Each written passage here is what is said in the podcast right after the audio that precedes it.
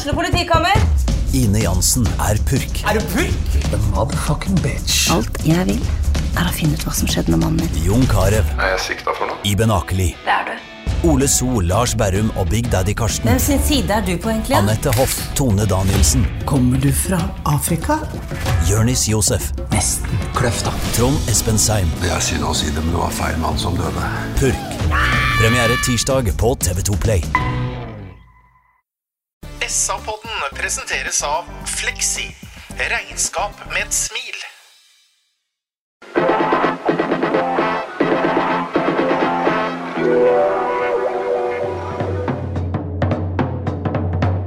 Sarpsborg Arbeiderblad gir deg en ny episode av SA-podden med Petter Kalnes, Øystein Weber og Bjørn Inge Bingen Nilsen. Hjertelig velkommen til SA-podden. Velkommen til Bingen, mannen som på 80-tallet sjarmerte alle kvinnelige fans i Sarpsborg med sitt lange hår, sine lange ben og enda lengre utkast. Morgen, Bingen. Morgen, morgen, Petter. Tusen takk. Her sitter Veberg, som er vårt intellektuelle alibi, som i forrige uke lanserte 'sarpinerte' som et begrep på sarpinger som har fått koronavaksina. Han uttaler seg om det meste og vet vel egentlig mer enn det som strengt tatt er nødvendig. Morgen, Øystein. Ja, hei, jeg nøyer meg med å si takk. Ja. Jeg var bare litt skeptisk nå når du sa 'enda lenger', sa du om bingen hva som var enda lenger, og så heldigvis var det utkasta, da. Ja, Du tror ikke vi skal snakke om sånne ting på podden? Nei da. Det er 49 dager til seriestart. øh, Eller er det det, Øystein? Blir det seriestart 5. april, tror du? Ja, det er jo usikkert. Nå er det jo ikke mer enn noen dager siden vi hørte om at hele Bodø-Glimt ble tøva inn i en tvungen karantene.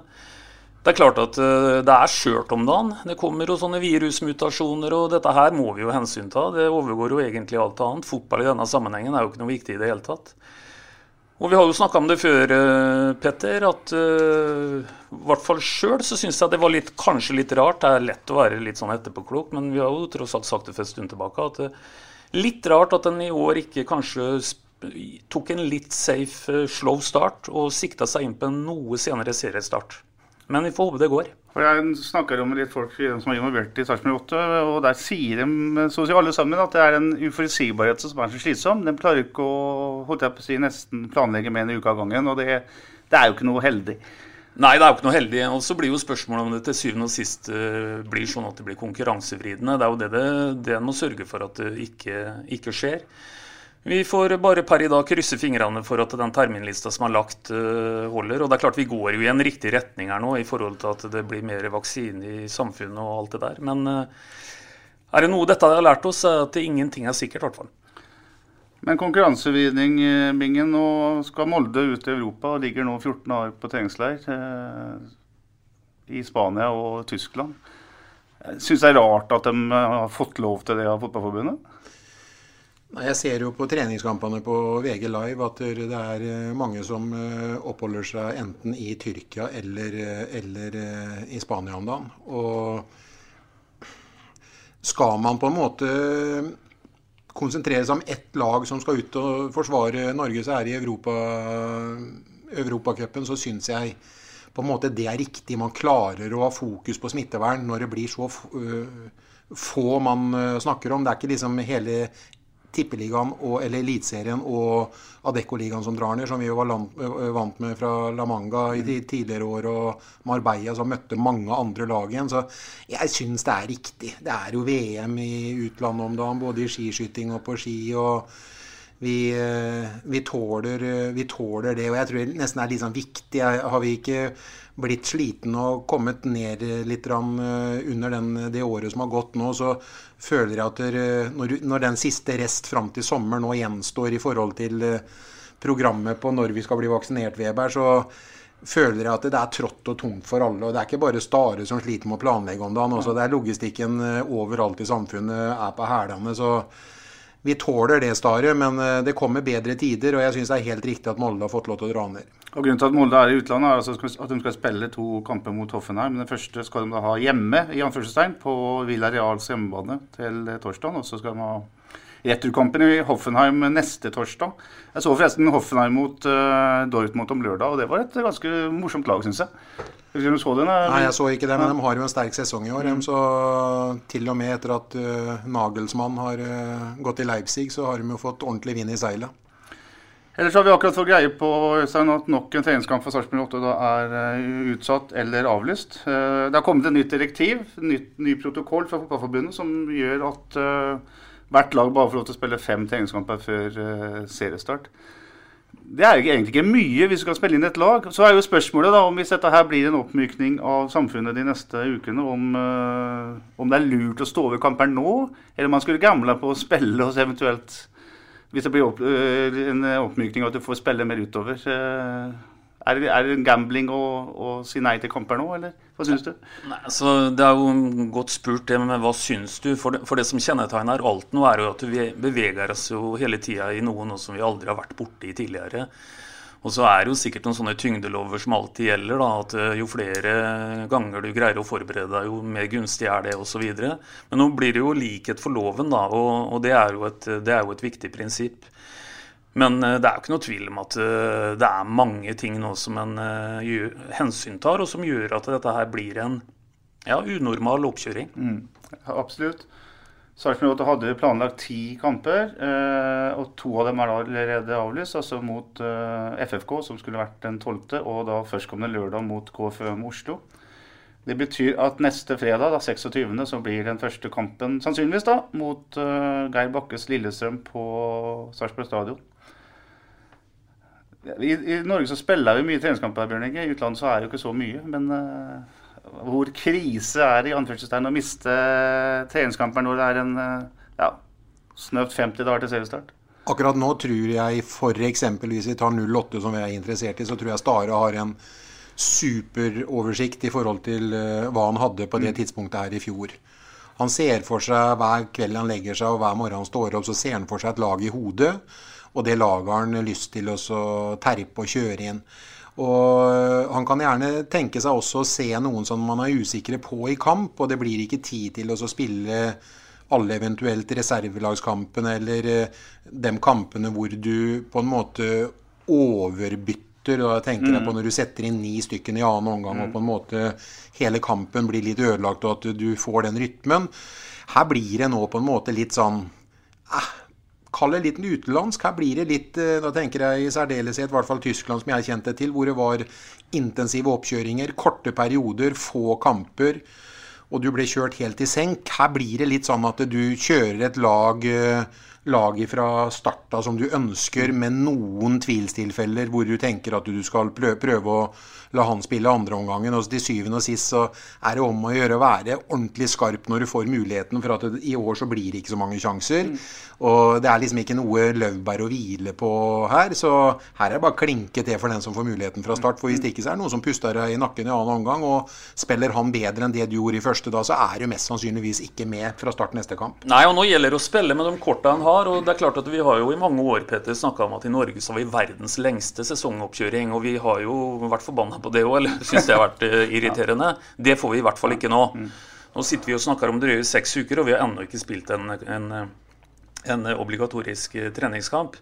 Men, men, eh, det viktige her det er at eh, det er en slags likhet for loven. Og jeg tror Bingen har helt rett i at det her blir ikke så veldig mye sånn Kall det eksperimentering rundt det. Her må du gå litt mer rett på. og Jeg håper Bingen har rett i at Stare tenker laget hele veien her og er klar til å, å, utnytte hver eneste dag som kommer. Noe annet valg har vi ikke. Ja, og Det gir spillerne færre sjanser, men de må da ta de sjansene de får. og og så slipper de jo da også være i sånn som du sier i annen omgang, når du kommer inn med ni mann. og eh, par av dem er kanskje ikke gode nok for å være utpå der engang. Da, da er det ikke så lett å gjøre en god nok jobb. eller? Det er ikke så lett å spille seg inn på laget mot et, eh, eller i et mannskap som egentlig ikke er bra nok. da, så ja, det, det noen, uh, har jo noen fordeler, dette her òg. Ja da, og så skal vi jo tenke på at hvis vi forutsetter at nå kommer vi noenlunde i gang, da, og så kjører vi det løpet vi har igjen fram til seriestart, så minner jo denne oppkjøringa sånn i tid da, mer om en internasjonal oppkjøring enn en, en god gammeldags norsk uh, oppkjøring. Mm. Så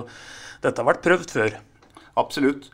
Siden sist vi snakka sammen, så har det ikke kommet noen nye spillere inn. Men uh, vår venn uh, Gisje Molins har jo vært ute og snakka litt i det som heter Fotballskanalen i, i, Sverige, et nettsted der.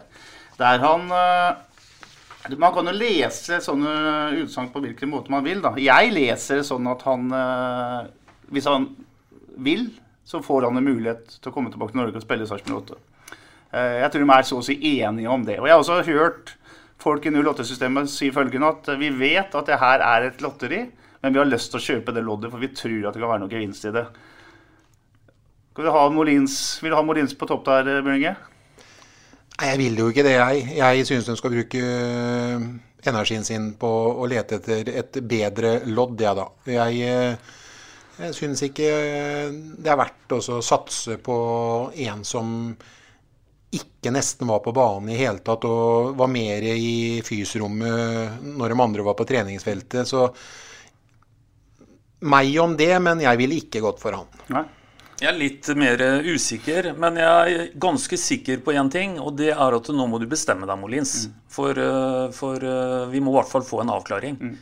Så det er klart at jeg husker frist i minne at eh, vi slår Stabæk eh, 4-0 på stadion, og han er fryktelig god. Men det er jo også, som Bingen sier, at det, det var nesten det vi så til.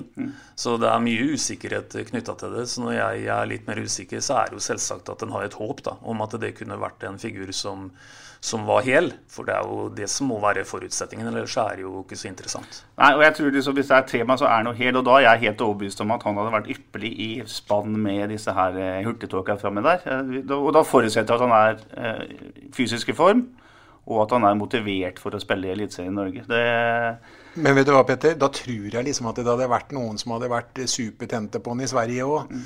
Hvorfor uh, spiller han ikke Hekken eller Guys eller eh, en av de der klubbene der som er litt sånn eh, i posisjon som det vi er her i 08? Da, Ja, godt poeng, det. Da, da hadde han hatt de mulighetene. Mest sannsynligvis leter han etter noe annet, tror jeg, mens han holder eh, 08 litt varme. Det er et spill. det er, er sånn Han vet at han kan skrive under, men det er vel ikke sånn at det står til der 6. april vi har seriestart. Det er vel ikke sånn at den der det står eh, Til lang tid på langfredag, til lang- nei. Det må jo bli, Ja. vi må jo bli enige med den og så Ja, komme i gang. Hvis det ikke så er det jo tydelig åpenbart at vi skal ha inn en spiss da, når vi snakker om han eh, Molins hele tiden. Og hvis han til syvende og sist sier nei når Berntsen tvinger fram eh, et svar, og så blir det nei, da må vi jo ha noe i bakhånd. Han, han har vel ikke satt alle korta på Molins? Nei, jeg håper ikke det. Og dette her er visst et spill som Molins faktisk har spilt gjennom hele karrieren sin. Han har vært uh, veldig forsiktig med å bruke agenter. Og han har kjørt dette her, satt klubber opp mot hverandre og, og vært ganske god på det der spillet her. da. Eh, om det handler om å få inn mest mulig penger eller om å finne den beste klubben, kan jo diskuteres. Men eh, dette her er i hvert fall et spill som Molins eh, kan etter å ha vært i gamet i, i mange år. Men jeg er helt enig med dere. Vi kan, ikke, kan ikke vente stort lenger nå med å, med å hente en, en eh, spiss. Hadde vi spilla korta, så kanskje vi liksom hadde henta en Udal fra Adecco-ligaen istedenfor å holde på med Molins. Så hadde vi hatt en eh, supersub til Kone, en eh, ordentlig joker eh, i ermet som vi vet eh, panker inn mål i ligaen under. Og den var bestandig spennende for ligaen over. Han har sikkert ikke blitt lova noe plass av Fagermo i Vålerenga, men eh, det er vel mest sannsynligvis der han kommer til å skrive under. og da hadde, hadde jo vært kult å fått eh, Da hadde jo lett i riktig liga, og behøvde ikke å lett så veldig med lupe heller, for han vet jo skåremål. Det var jo signatursigneringa til Berntsen for noen år siden, det der, med å hente Ja. fra nivå to.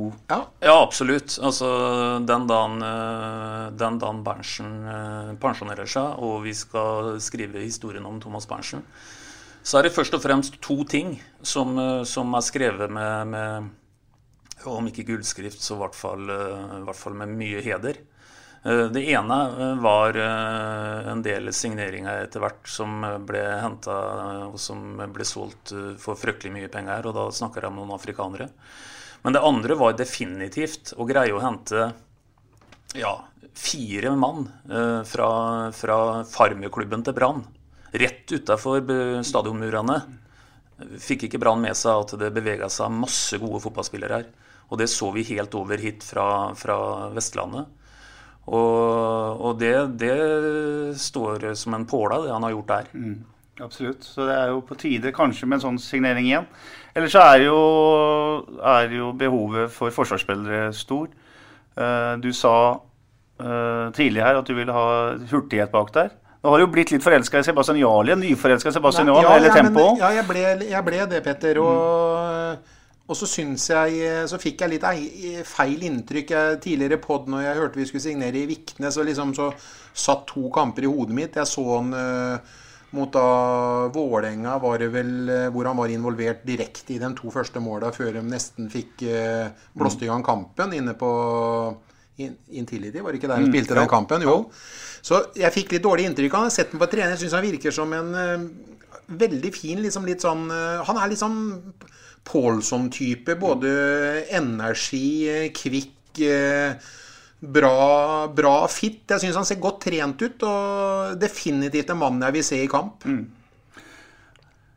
Så er det jo sånn at de leker jo litt med flere formasjoner. På trening nå så har vi sett dem å trene i det tradisjonelle 3-4-3, altså det som ble introdusert i fjor.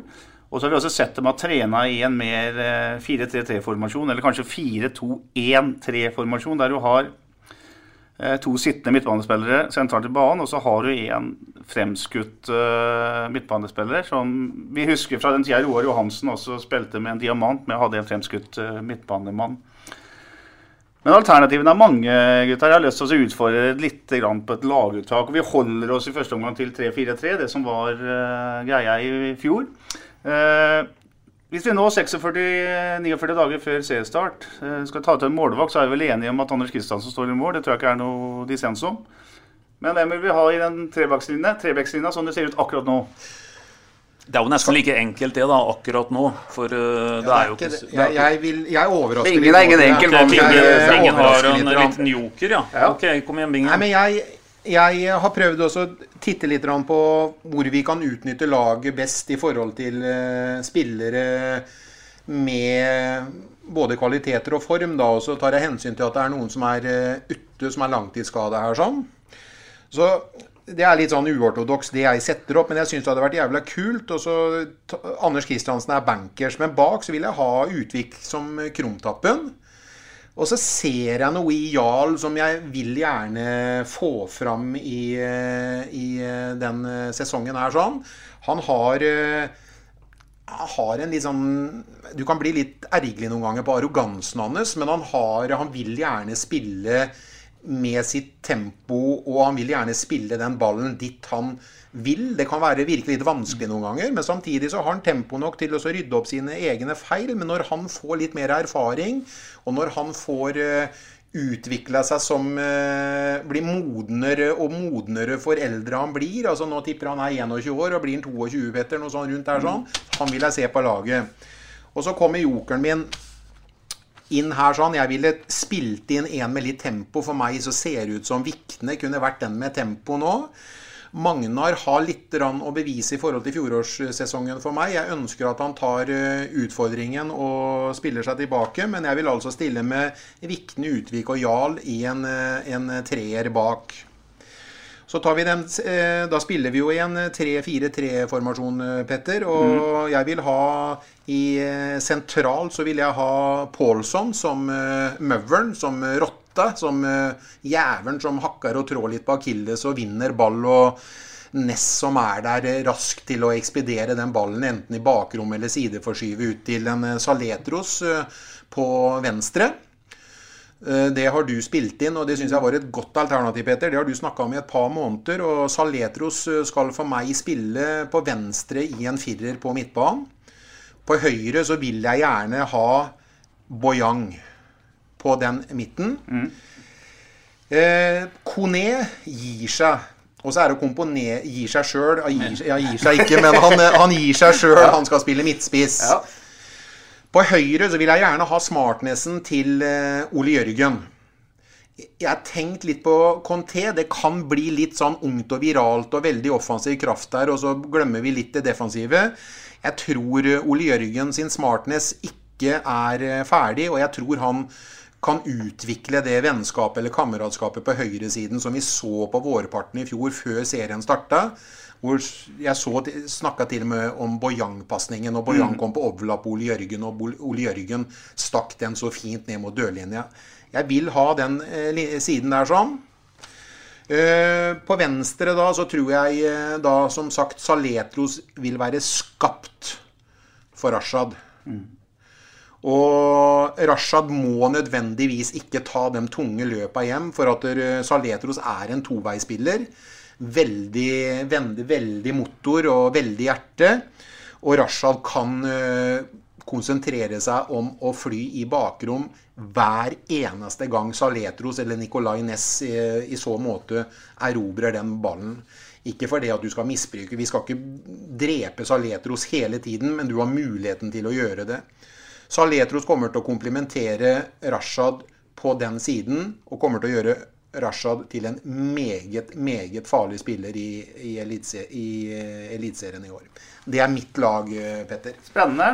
Vi kan kommentere etter hvert. Veberg? Ja, jeg kan jo ta, tak i, ta utgangspunkt i laget til Bingen og så kommentere litt på det. Jeg eh, er ikke så kjempeuenig i noe som egentlig er sagt. Det er noen nyanser her. Det kan godt hende at det kan være fornuftig å utfordre Magnar med en Vikne. Og det er jo som vi har vært inne på her, at, at det er flere som trenger å heve seg fra i fjor. Men det gjelder mange, for å ha sagt det. Når det gjelder den rolla som, som, Bingen beskriver å ha Saletros i, så jeg er i hvert fall klar over hvor jeg ikke vil ha den. Det har vi snakka en del om. Jeg vil ikke at han i like stor grad som i fjor brenner mye energi på egen eh, banehalvdel og er nede og henter ball og transporterer den veldig mye. Det er mulig at han kan bli en åpenbaring for Rashad ved å spille venstre kant, men han kan definitivt også bli en åpenbaring for eh, begge kanter, og for så vidt også for midtspissen, ved å spille mer sentralt i banen. Men jeg vil ha han høyere opp i banen. Det er det jeg vil uh, si om det.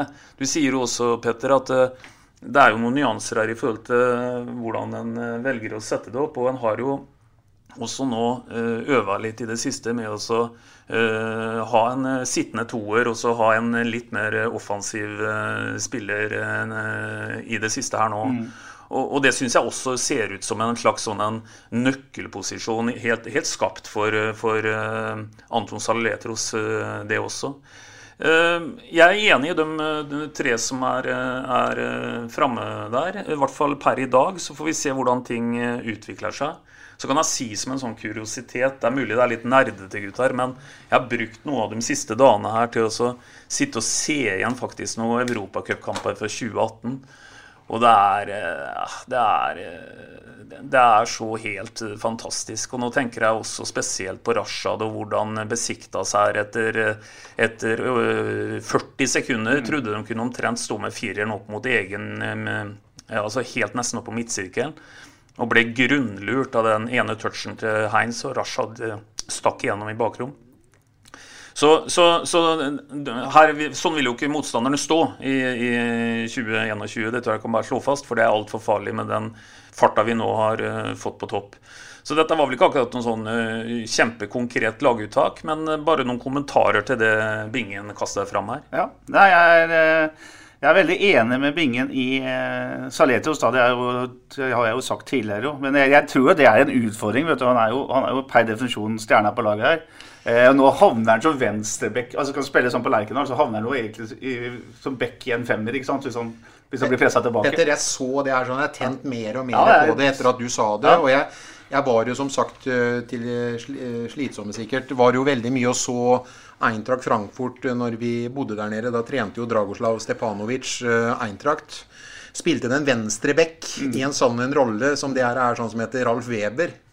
Den sesongen her sånn som han eh, jeg snakker om da, jeg, eller en par sesonger da ble en, da ble en landslagsback. Ble mm. venstre han, ble, den, han, eide den siden mm. der, sånn, og det har, det har Saletros kapasitet til å bli. Det kan bli en vanvittig flykt... Eh, eller eh, hva skal jeg si Vanvittig flott posisjon for han. Ja, han vil ha ball masse. Ja. Så, og veldig, veldig interessant. Han er jo aller best han har ballen.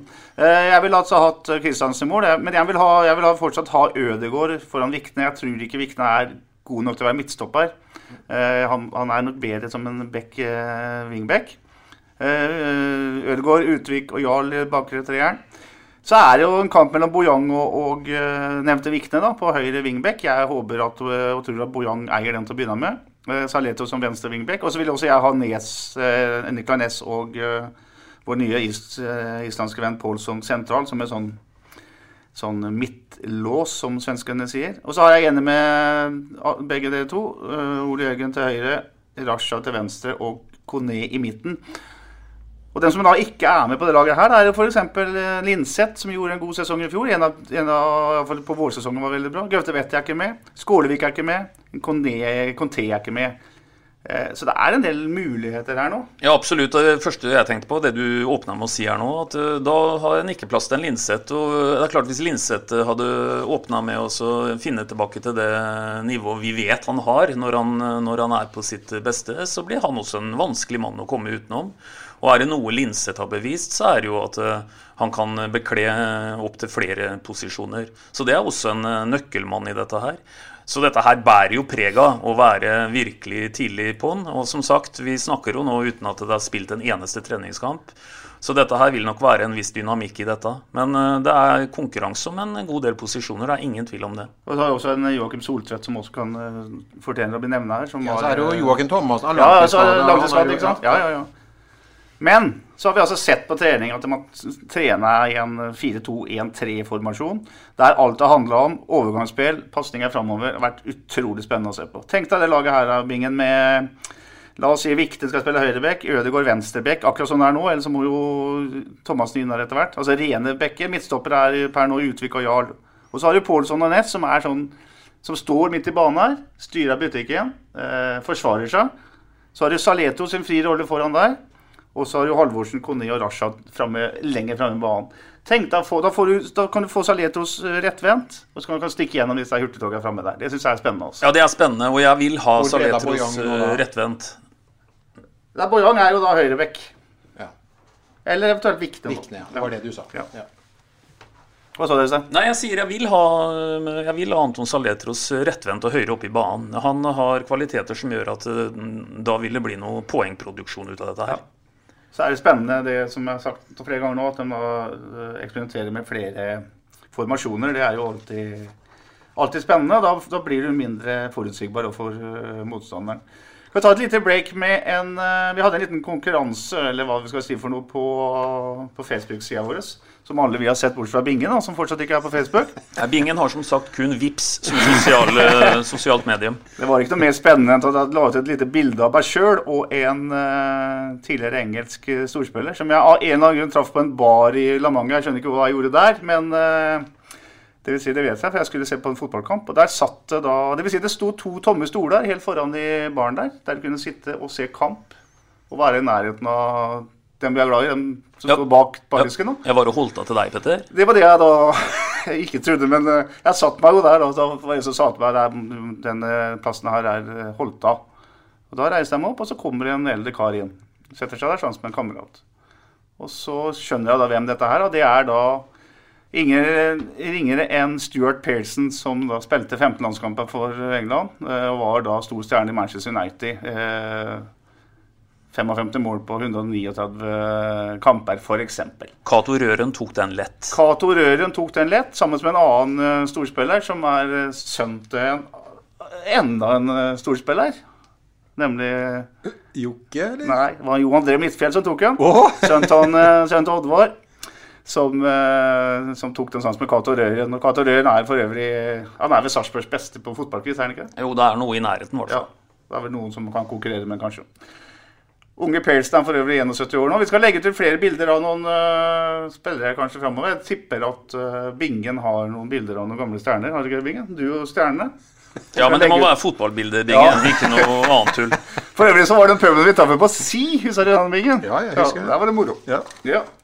Bra. Det var et lite, lite break. Vi skal uh, snakke om noe annet som eh, vår venn Jonas Grått har eh, bedt oss å prate litt om, nemlig mental trener.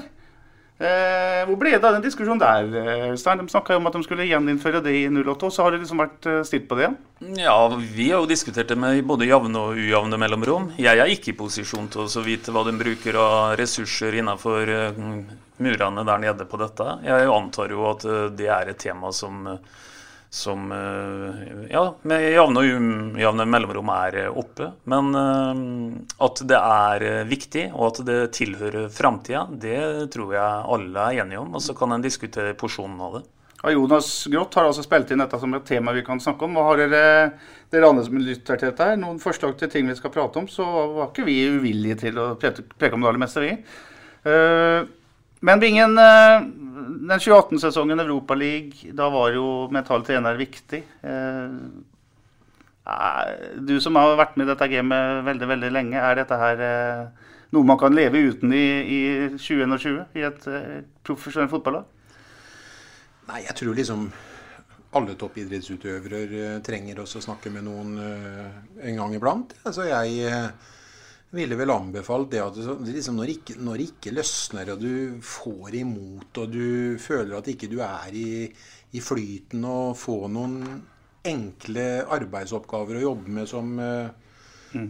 som ellers i livet, så tror jeg faktisk at det er noen knapper som en en sånn type mental trener, en sånn en person, klarer å, å finne fram. Så jeg, jeg syns ikke det er overflødig.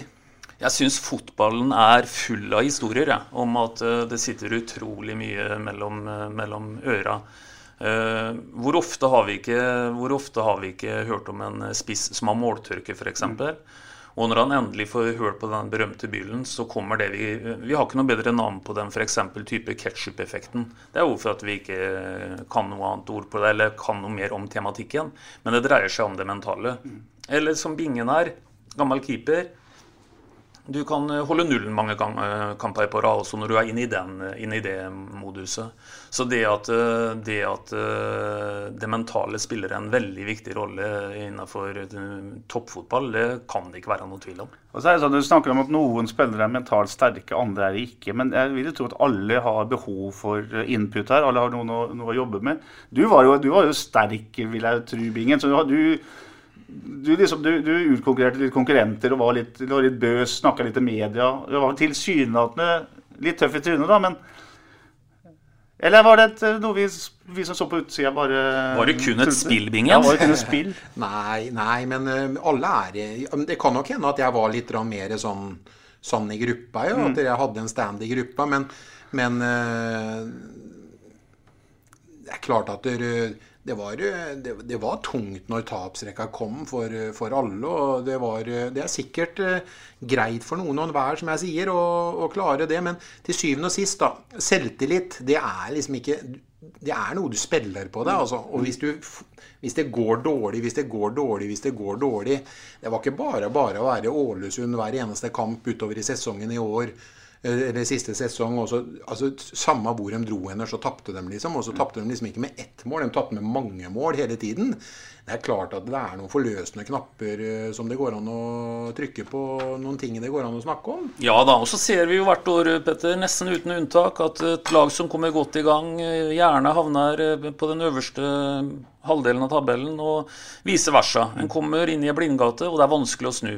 Så, så, at det mentale er viktig, det tror jeg er heva ved enhver tvil. Ja, og Sammenligner det med andre idretter. Jeg satt og så på Tiril Eckhoff her og i helga, på siste stående, øh, med skjelvende ben. Og, og børsa den, den, vibrerte, men hun, hun, tok seg i nakken og, og smelte de to siste og ble mester øh, for andre gang. liksom det.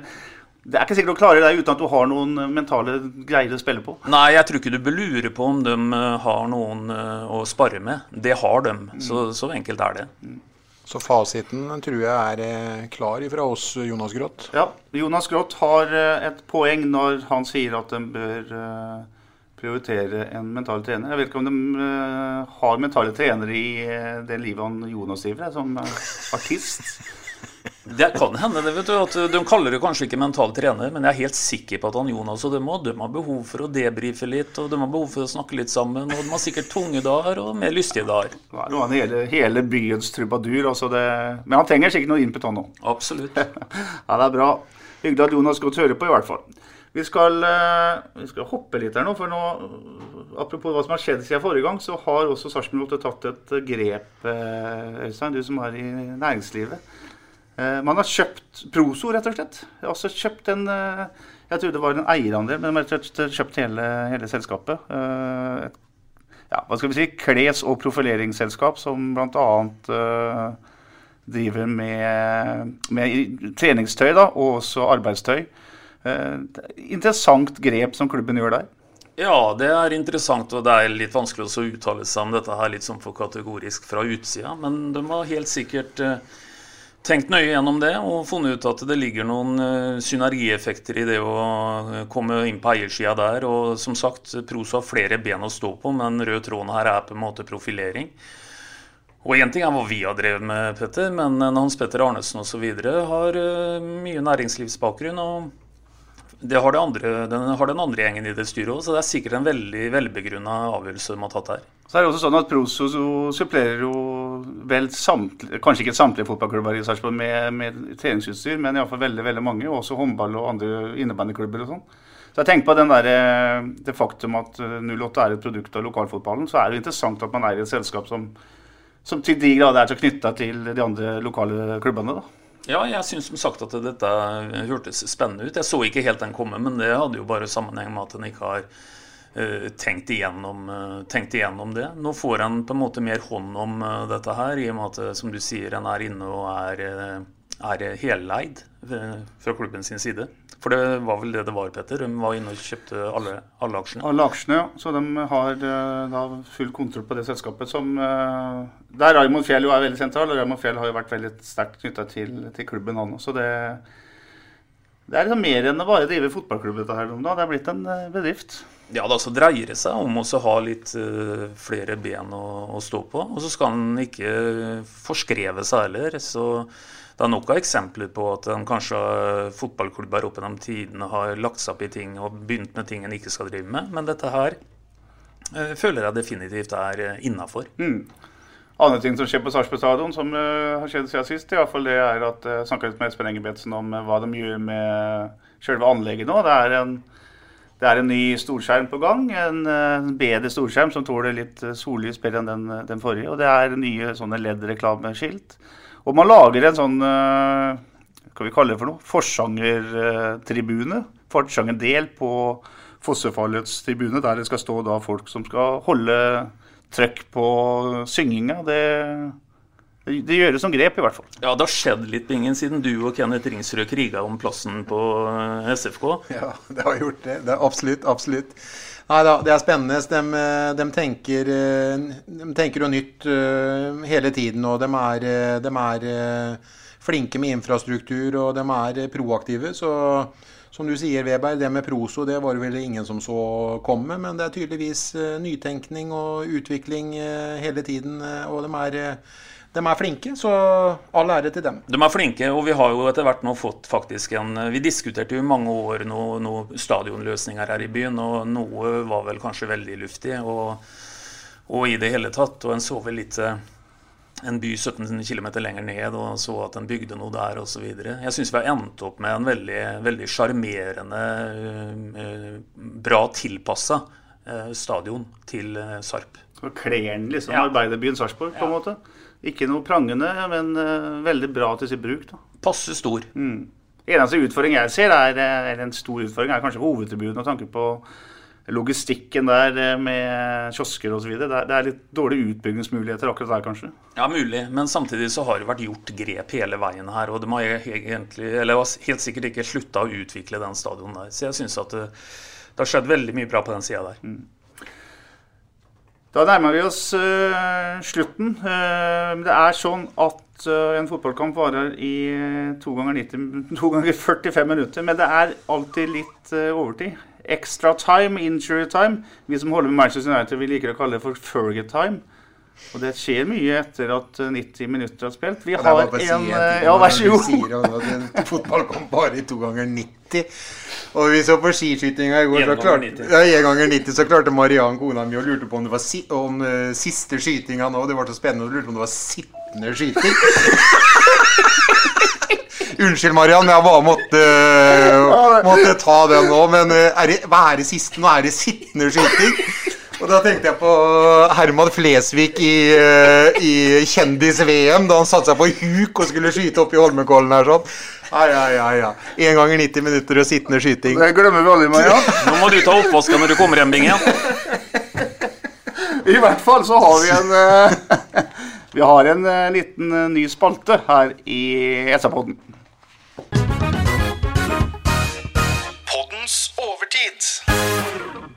Yes, da er det jeg som har fått æra å ta poddens overtid, som vi skal kalle denne spalta i dag. I og med at denne spalta er helt ny, så kan vi si litt om, litt om hva den kan inneholde. Den kan egentlig inneholde noe kuriøst, noe positivt, noe negativt. Kan denne Bingen kan komme med noen gamle historier fra den gangen han var profesjonell toppspiller. Det er mye å, mye å hente. I dag har jeg lyst til å bare dvele litt med, med en uh, eliteseriekonkurrent.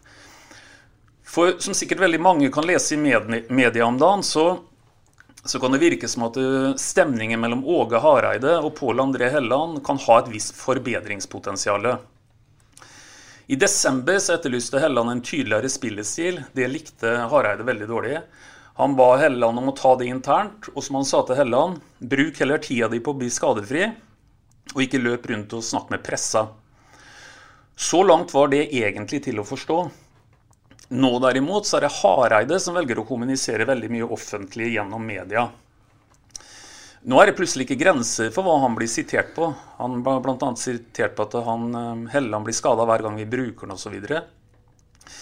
Uh, eh, problemet for Rosenborg er jo at hvis Helland skal slutte, så, så har han fortsatt et par år igjen av den kontrakta.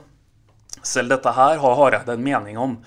Han mener at her skal klubben være steinhard, for det vil på en måte skape en presedens hvis en liksom gir etter litt her. Ja. Jeg vil oppsummere det litt på følgende måte. Eh, og til Åge Hareide så vil jeg si måten dere kommuniserer dette på nå, det er ikke å ta det internt. Det dette heter, det er å ta igjen med samme mynt. Så nå må dere nesten da bestemme uh, hva, dere, hva, dere, har lyst til å gjøre. Og så er det også det at når du snakker om å være knallhard i forhandlingene om å få terminert dette her med Helland, så jeg vil tro at en Mikke Dorsin og kanskje en Tove Dyrhaug de tenker at eh, kan ikke du Åge, konsentrere deg om ditt, så tar vi oss av dette her. Jeg må si jeg forventer litt mer av deg, Åge Hareide. Du går i ditt 68. år. Eh, og det siste det skal du egentlig ta som et kompliment, nemlig det at jeg forventer litt mer av deg. Krystallklart klart overtidsmål der fra Øystein. Takk skal du ha, Øystein. Og så sier vi, vi som vi alltid gjør i SR-poden, vi prekes. Vi prekes. Ha det. SA-podden presenteres av Fleksi. Regnskap med et smil. Ukens annonsør er Hello Fresh. Hello Fresh er verdens ledende matkasseleverandør og kan være redningen i en travel hverdag. Mange av oss har nok vandret i butikken både sultne og uten en plan for middagen, som ender med at vi går for de samme kjedelige rettene gang på gang. Middag burde være dagens høydepunkt. Som Hello Fresh kan du nå velge mellom 25 ulike retter hver eneste uke, eller få Hello Fresh til å sette sammen menyen for deg. Dette gir deg muligheten til å prøve nye og spennende retter alene eller sammen med familien. Du velger antall porsjoner og får alt levert på døren på et tidspunkt som passer for deg. Oppskriftene er enkle, og maten er lett å lage både for store og for små. Ved å få alt levert hjem får du også mer tid til å dele matgleden med familie og venner. Kanskje det frister med asiatiske tacos eller greskinspirert kylling? Da kan jeg anbefale deg om å gå inn på hellofresh.no. Her kan du bruke koden FOTBALL og få opptil 1779 kroner i rabatt på de første fem matkastene hvis du ikke har prøvd Hello Fresh tidligere. Du kan også bruke rabatten hvis du har vært kunde og stoppet abonnementet ditt for tolv måneder siden eller lengre. Gå inn på hellofresh.no og bruk koden FOTBALL. Har du et enkeltpersonforetak eller en liten bedrift?